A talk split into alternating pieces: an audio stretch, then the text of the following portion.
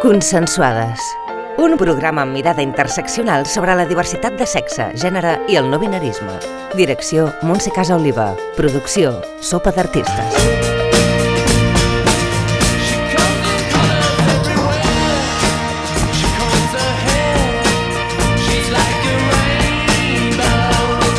En aquest programa us parlaré de persones que fan que la vida sigui millor, com és el cas de l'Eliot Theodor, un noi trans fisioterapeuta barceloní que ajuda la comunitat trans i gent no binària amb les rehabilitacions de les cirurgies i la correcta musculació. La seva consulta està a Barcelona, a Gràcia, i és dels pocs professionals a nivell mundial que ofereix cura i atenció com a fisioterapeuta amb inclusivitat per tota la diversitat. L'Eliot ha patit la transfòbia mèdica en la que els professionals sanitaris veuen tots els seus problemes mèdics eh, amb l'irrellevant fet de ser una persona trans, de la mateixa manera que una persona hetero emmalalteix per causes víriques, de salut molt variades, les persones trans tenen, evidentment, el mateix funcionament corporal, tots som éssers humans, i davant d'aquestes dificultats per trobar espais de respecte i, sobretot, amb gent que tingués coneixement, va decidir professionalitzar la cura d'aquesta maltractada comunitat envers a la fisioterapia. Benvingudes a Consensuades. Bueno, pues estamos aquí con Elliot Theodor. Eh, sus pronombres son él. Es fisioterapeuta especializado en deportes, hombres trans y activismo de la salud trans. Muchísimas gracias por acompañarnos en este podcast, Elliot. Eh, que bueno, es un podcast dedicado a la visibilidad de disidencias como puede ser la trans, que se emite en Radio Marisel, que es una radio de Sitges, y nada, estamos encantadas y encantados y encantadas de, de tenerte entre nosotros, y nosotras y nosotres. Eh, entonces, eh, empiezo haciendo, haciéndote preguntas sobre tu trabajo, ¿vale? Háblanos de cómo, bueno, de tu trabajo como fisioterapeuta y entrenador para personas trans y no binarias. ¿En qué momento ves esta necesidad de crear este espacio?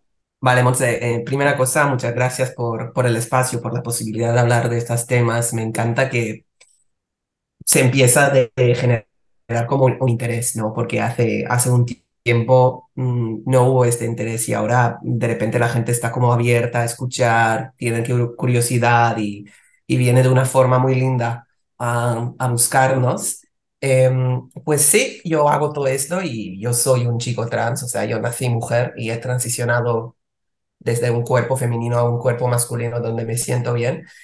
Y la verdad es que la salud, el deporte, todo lo que es el cuerpo físico es mmm, la mayoría de lo que yo hago con mi vida. O sea, soy artista de circo, soy entrenador, soy eh, deportista, soy fisioterapeuta y la necesidad que yo estaba viendo en esta comunidad, que básicamente no hay un espacio deportivo para poder hacer lo que uno quiere y puede para mejorar su estado de salud, para disfrutar de su cuerpo, para conectar con su identidad, para construirse, digamos, una visión de su propio cuerpo que es suya, que no es una visión exterior de un mundo, digamos, muy estructurado, heteronormativo y toda la cosa que nos pesa encima.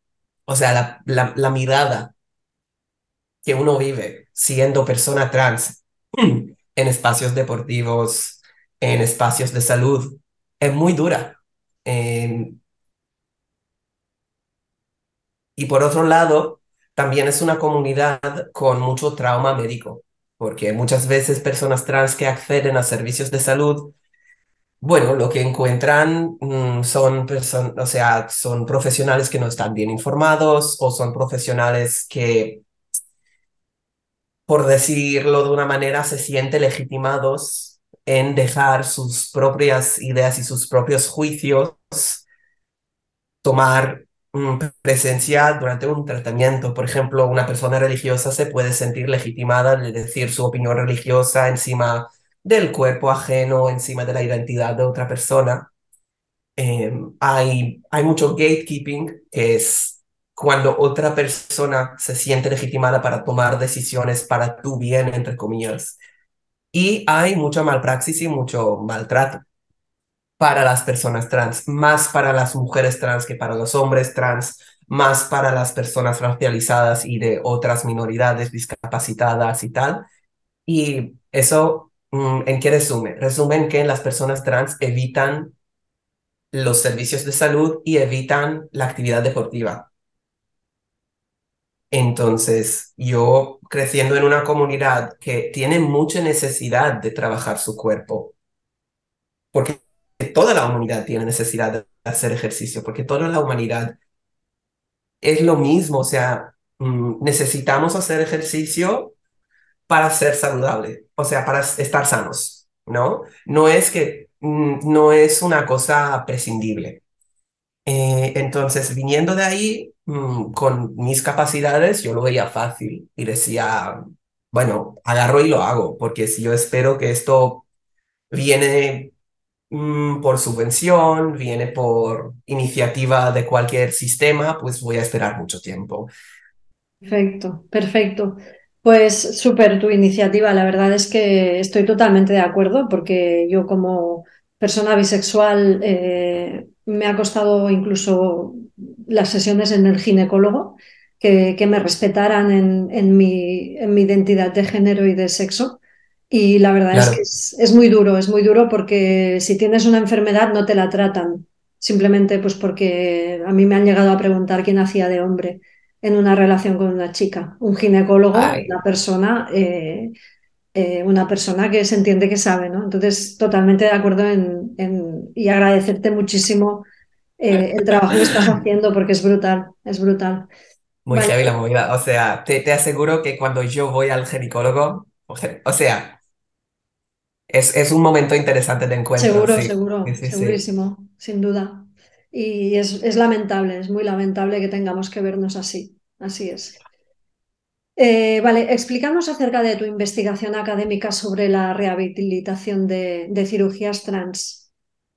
Vale, pues gracias por dejarme el espacio para hablar de esto. Eh, la verdad es que me, yo soy como fisioterapeuta y como persona que se ha sometido a una cirugía de confirmación de género, que así le llamamos a todas las cirugías que, que vienen del impulso de alinear el cuerpo con lo que es la imagen mental de lo que es el cuerpo. Entonces, yo me sometí a la mastectomía, que es, bueno, le llamamos la cirugía top, the top surgery, ¿no? Que mm, para hombres trans o para personas no binarias asignadas femeninas al nacer, eso significa quitar el pecho femenino y dejarlo en forma de un pecho masculino. Entonces yo, yo me hice esto y al hacerlo era como la primera vez que yo como fisioterapeuta mm, escuché del tema y decía, ostras, ¿cuál es la rehabilitación? ¿No? Porque obviamente para mí, si te operas, luego te, te rehabilitas, ¿no? Para retomar el deporte, para no perder un rango de movimiento, fuerza, mm, para que estéticamente quede bien, eso también ayuda. Mm, me puse a investigar y mira, no hay nada. O sea, la clínica no me supieron guiar más que las palabras más ambiguas que existen. Em, no hubo ninguna referencia que yo pude ver de, digamos, marco académico. Y lo que existía en redes sociales era bastante, digamos, destacado de la realidad, porque, por ejemplo, hay gente que habla de seis meses no levantes el codo por encima del hombro. Mira, yo soy fisioterapeuta y, yo sé que si tú no levantas el codo por seis meses por encima de la altura del hombro, capaz que no lo volverás a hacer nunca en tu vida. Entonces veía una necesidad muy grande ahí y a la vez como deportista yo decía, no me costará nada programarme a mí una rutina y ir avanzando, cumpliendo cada vez un poco más, ¿no? Agarré un programa muy básico de musculación, me dejé guiar para las pautas de la clínica como las entendía y lo que, lo que terminé teniendo es como un protocolo de, digamos, 16 ejercicios de brazos y pecho. Muy fácil, muy fácil, la verdad. O sea, un fisioterapeuta que acaba de salir del grado, le costará tres días entender y poder hacer todo. O sea, hay una necesidad enorme, hay un vacío por decirlo de una manera, un vacío de investigación académica. Y por el otro lado, la solución es muy sencilla. Entonces agarré y dije, venga, va, eh, este trabajo lo quiero sacar mm, como muy mucho dentro de un año. Yo voy a ofrecerle a las personas que se someten a esa cirugía una rehabilitación accesible a nivel económico, o sea, voy a cobrar muy poco para que esas personas vengan a mí, yo le hago lo mismo que hice conmigo mismo, esas personas van a tener mejores resultados y van a ser felices y yo voy a recoger, los datos de las personas que quieren participar en la investigación y las voy a publicar. Entonces, ya he terminado de hacer mm, el primer pilot, digamos, el primer case study, ¿no? Que es una persona que se sometió a la cirugía, que acudió a todos los tratamientos durante siete semanas. Y eh, tenemos el resumen de estos datos con otro fisioterapeuta que también es chaval trans, que viene, que viene en los entrenamientos.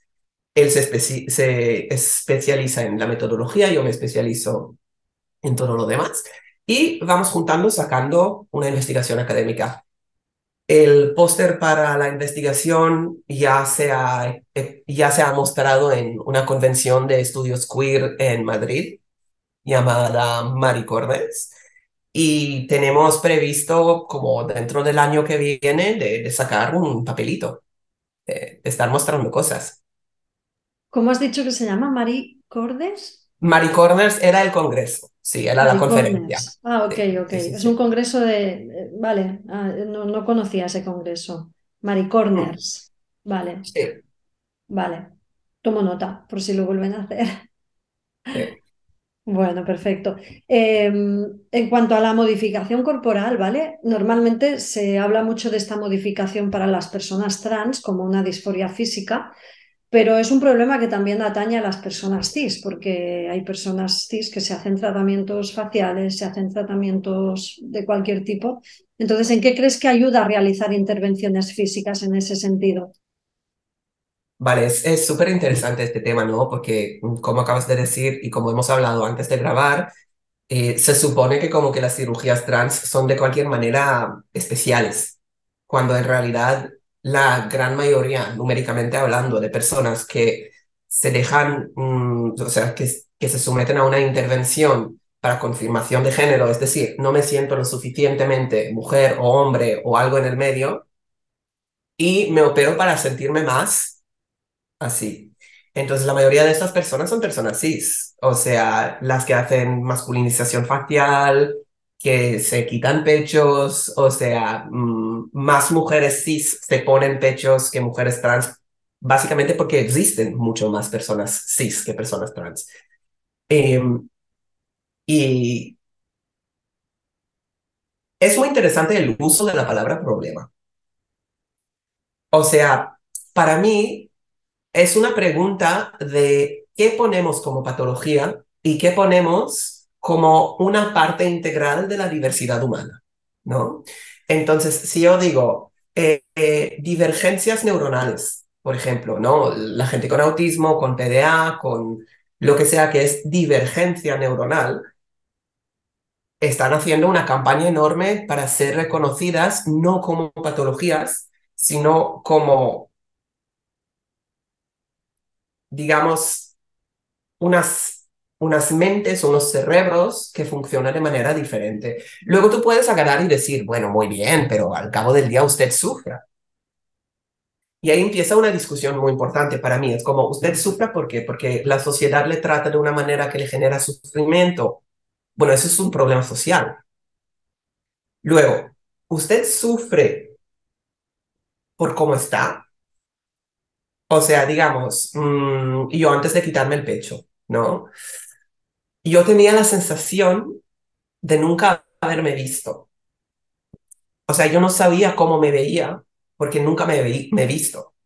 Yo podía mirarme en el espejo horas y horas, pero sin poder verme porque yo no existía todavía, porque el cuerpo que yo sabía que tengo no la, no la pudo ver. Entonces, mi interpretación privada es que tenemos una imagen mental, emocional, mm, una mapa ¿no?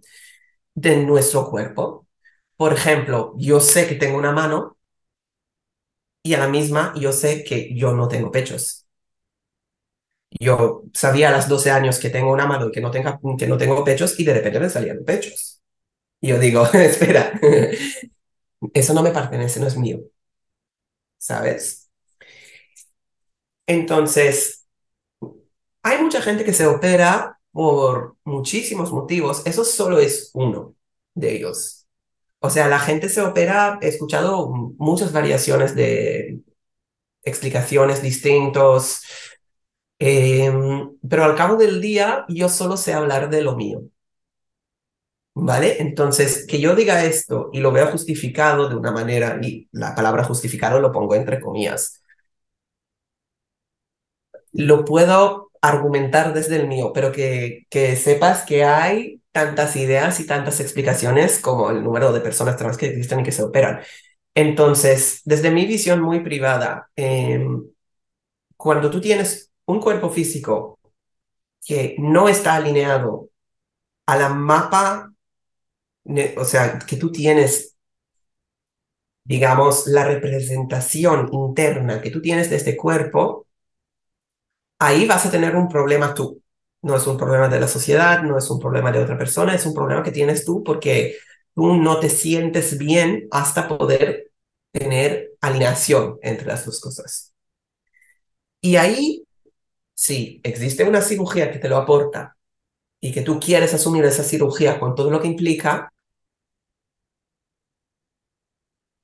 según mi experiencia, según la mayoría de experiencias trans que tenemos documentadas, esto suele aliviar el sufrimiento que genera esta divergencia. Y ahí lo veo mm, médicamente justificado para personas de cualquier identidad, si sean cis, si sean trans. Perfecto.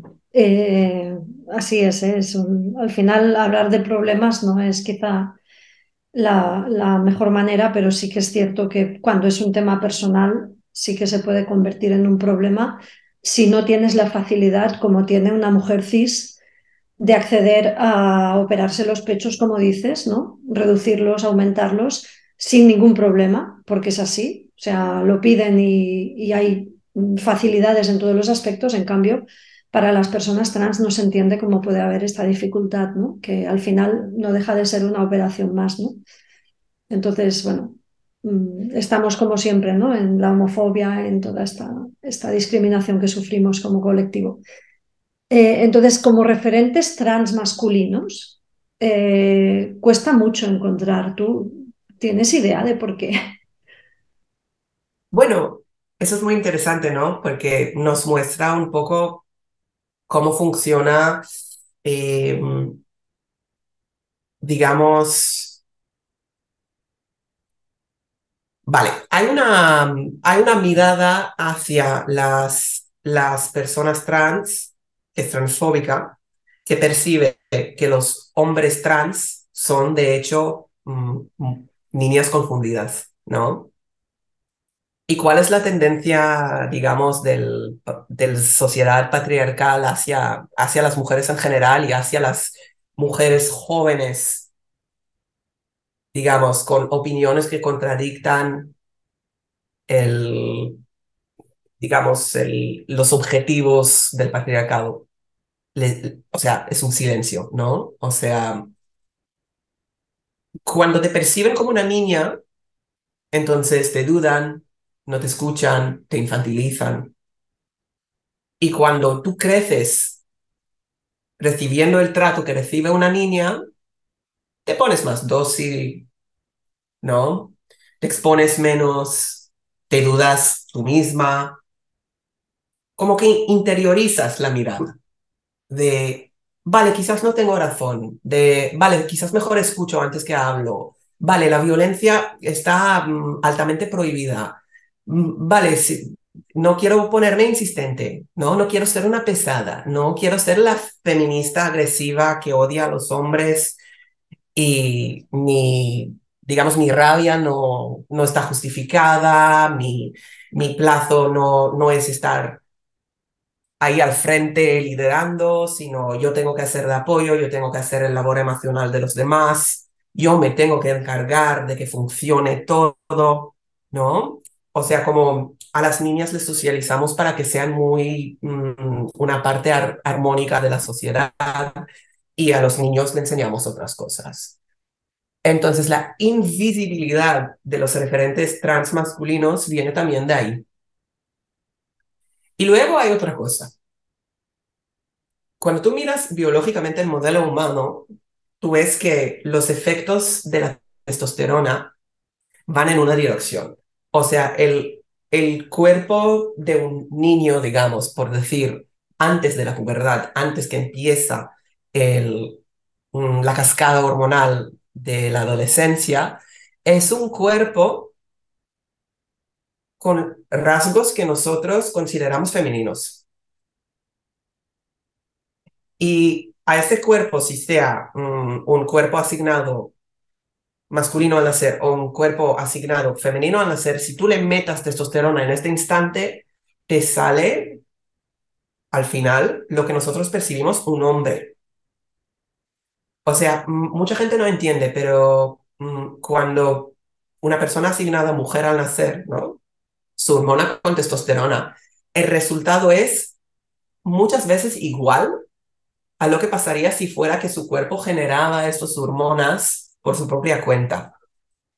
Luego, cuando un cuerpo masculino ya está masculinizado por la testosterona, muchos de los cambios son irreversibles.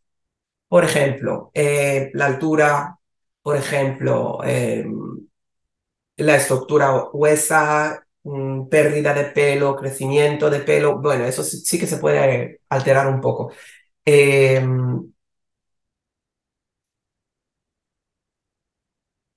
Em, o sea, salir de un punto de un cuerpo que nunca vivió la testosterona y someterlo a eh, tratamiento de, de testosterona de origen exógeno, esto Mm, te conduce a una corporalidad que parece masculina de todo.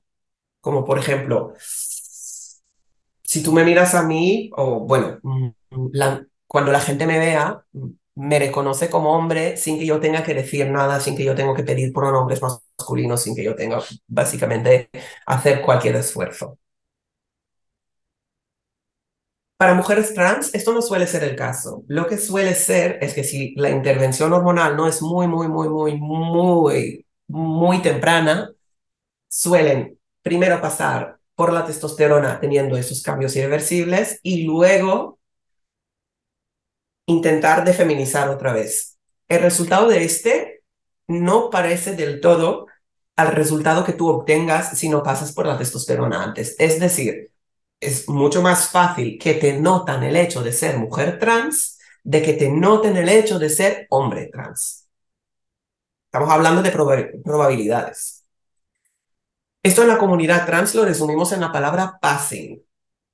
O sea, la gente me percibe como el género que yo quiero que me perciben, eso es un passing. Entonces, muy fácil que los hombres trans tengan passing, mucho más fácil que las mujeres trans. Entonces, una parte de la invisibilidad de los hombres trans es el passing. O sea, yo he perdido mi visibilidad queer. Yo he perdido mi visibilidad. Yo era una bollera camionera de, de las que se las nota. Y ahora no se me nota nada. ¿Vale? Entonces, entre de que físicamente hablando muchas veces no se nota nada y que socialmente hablando esas personas están socializadas para no generar ningún tipo de ruido, digamos, se genera un tipo de silencio y el último componente de esto es el patriarcado. O sea, ¿qué pasa ahí cuando una persona niega la masculinidad y qué pasa ahí cuando una persona se acerca a la masculinidad? Entonces, en un, sistema patriarcal donde la masculinidad está valorada por encima de la feminidad, se entiende muy bien por qué una persona viene de una perspectiva femenina y quiere acercarse a lo masculino. Eso es poder. O sea, el masculino está como mm, presentado como lo bueno, lo racional, lo fuerte, lo, toda la mierda está. Entonces, cuando la gente vea a una mujer que quiere ser hombre, hay como un, un tipo de aprobación. Luego, cuando el caso es al contrario, miramos a los hombres que niegan a su masculinidad y se acercan a lo femenino, ahí qué pasa? Mucha violencia. En plan, lo podemos llamar homofobia, lo podemos llamar misoginia, lo podemos llamar transfobia, pero el grano de todo esto es que la sociedad no te permite alejarte de la masculinidad hacia la feminidad, porque esto es como... Mm, mm, no se puede entender el por qué. Entonces, cuando se da cuenta que una persona transmasculina exista, mm, es como está aceptado con mucho más amor.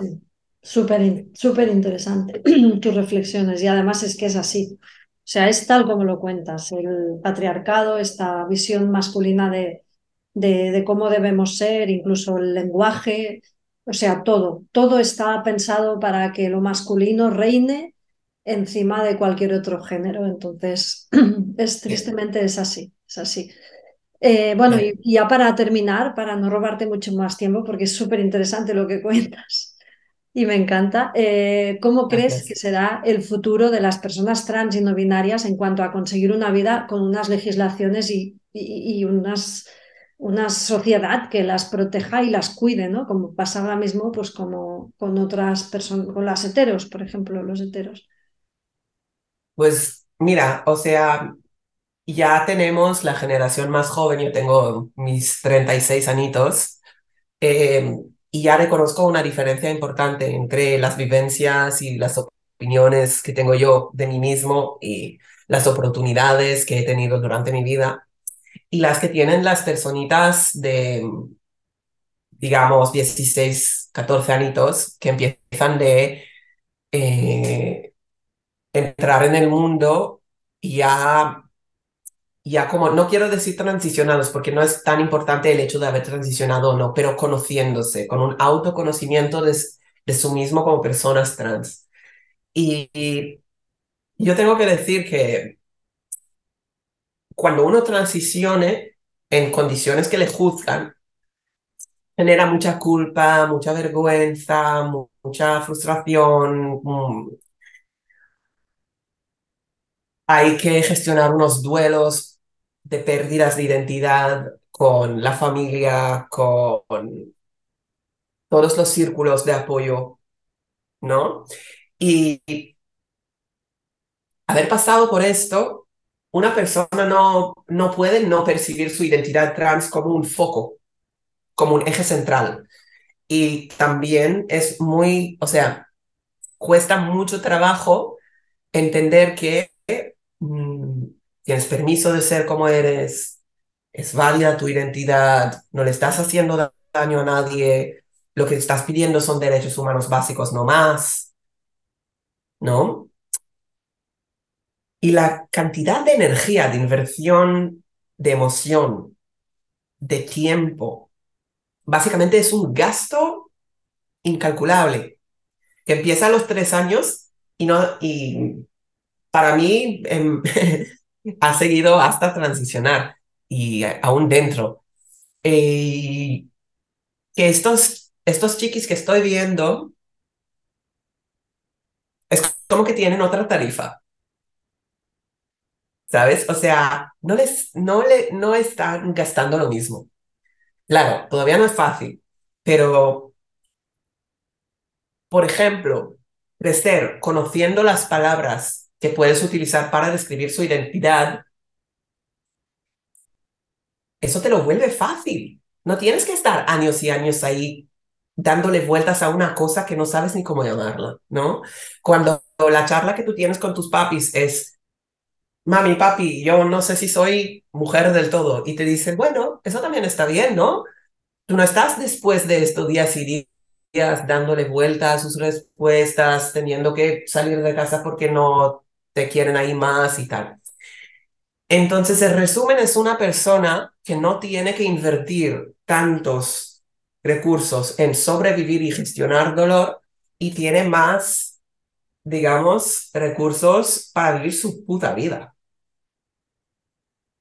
Es una persona con menos trauma y sabemos muy bien que las personas que han vivido más trauma mm, tienen, digamos, mm, más tendencia hasta cualquier condición, bueno, que les, o sea, condición médica, pero, pero en el sentido que enfermedades, problemas, suicidio, todo esto. Sabemos que eh, una persona que ha pasado por trauma es más probable de, de volver un bully, de traumatizar a otras personas, ¿no? Entonces, más trauma puedes quitar, mejor para todo el mundo, para la persona que lo vive y para la sociedad en, general.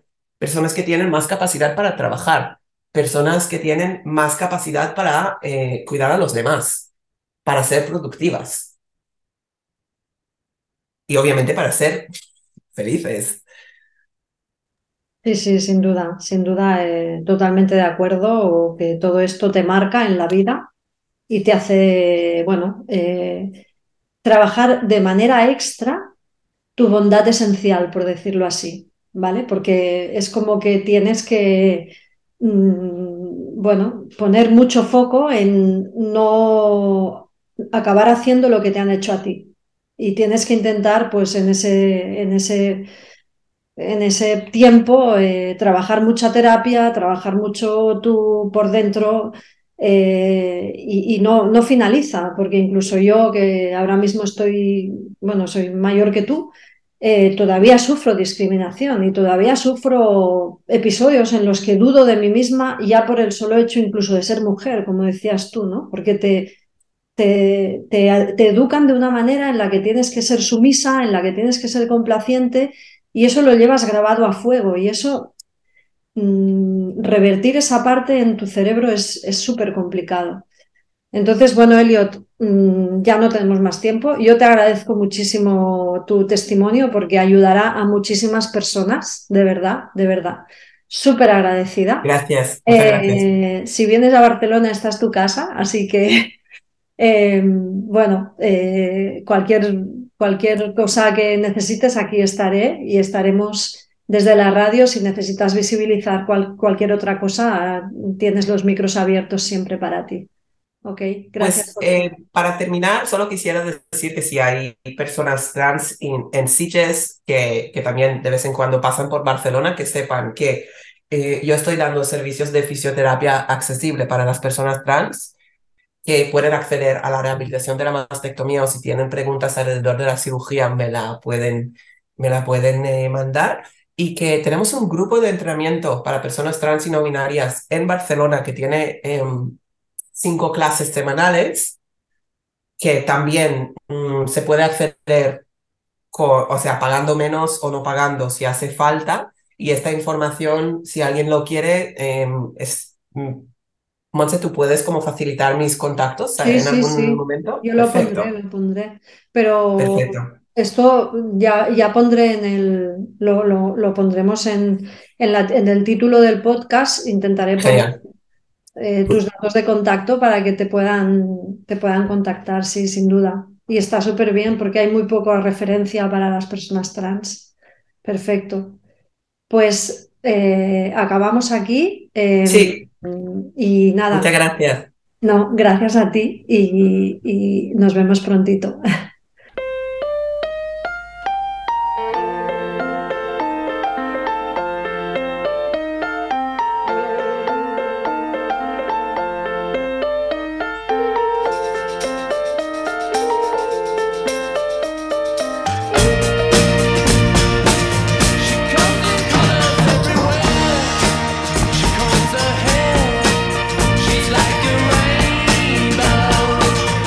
Finalitzem aquí recordant que ens podeu enviar les vostres inquietuds a l'email radiomaricel arroba radiomaricel.cat que teniu a disposició per donar veu en aquest programa a les vostres històries. Gràcies, gràcies per seguir-nos i fins la propera. Un petó.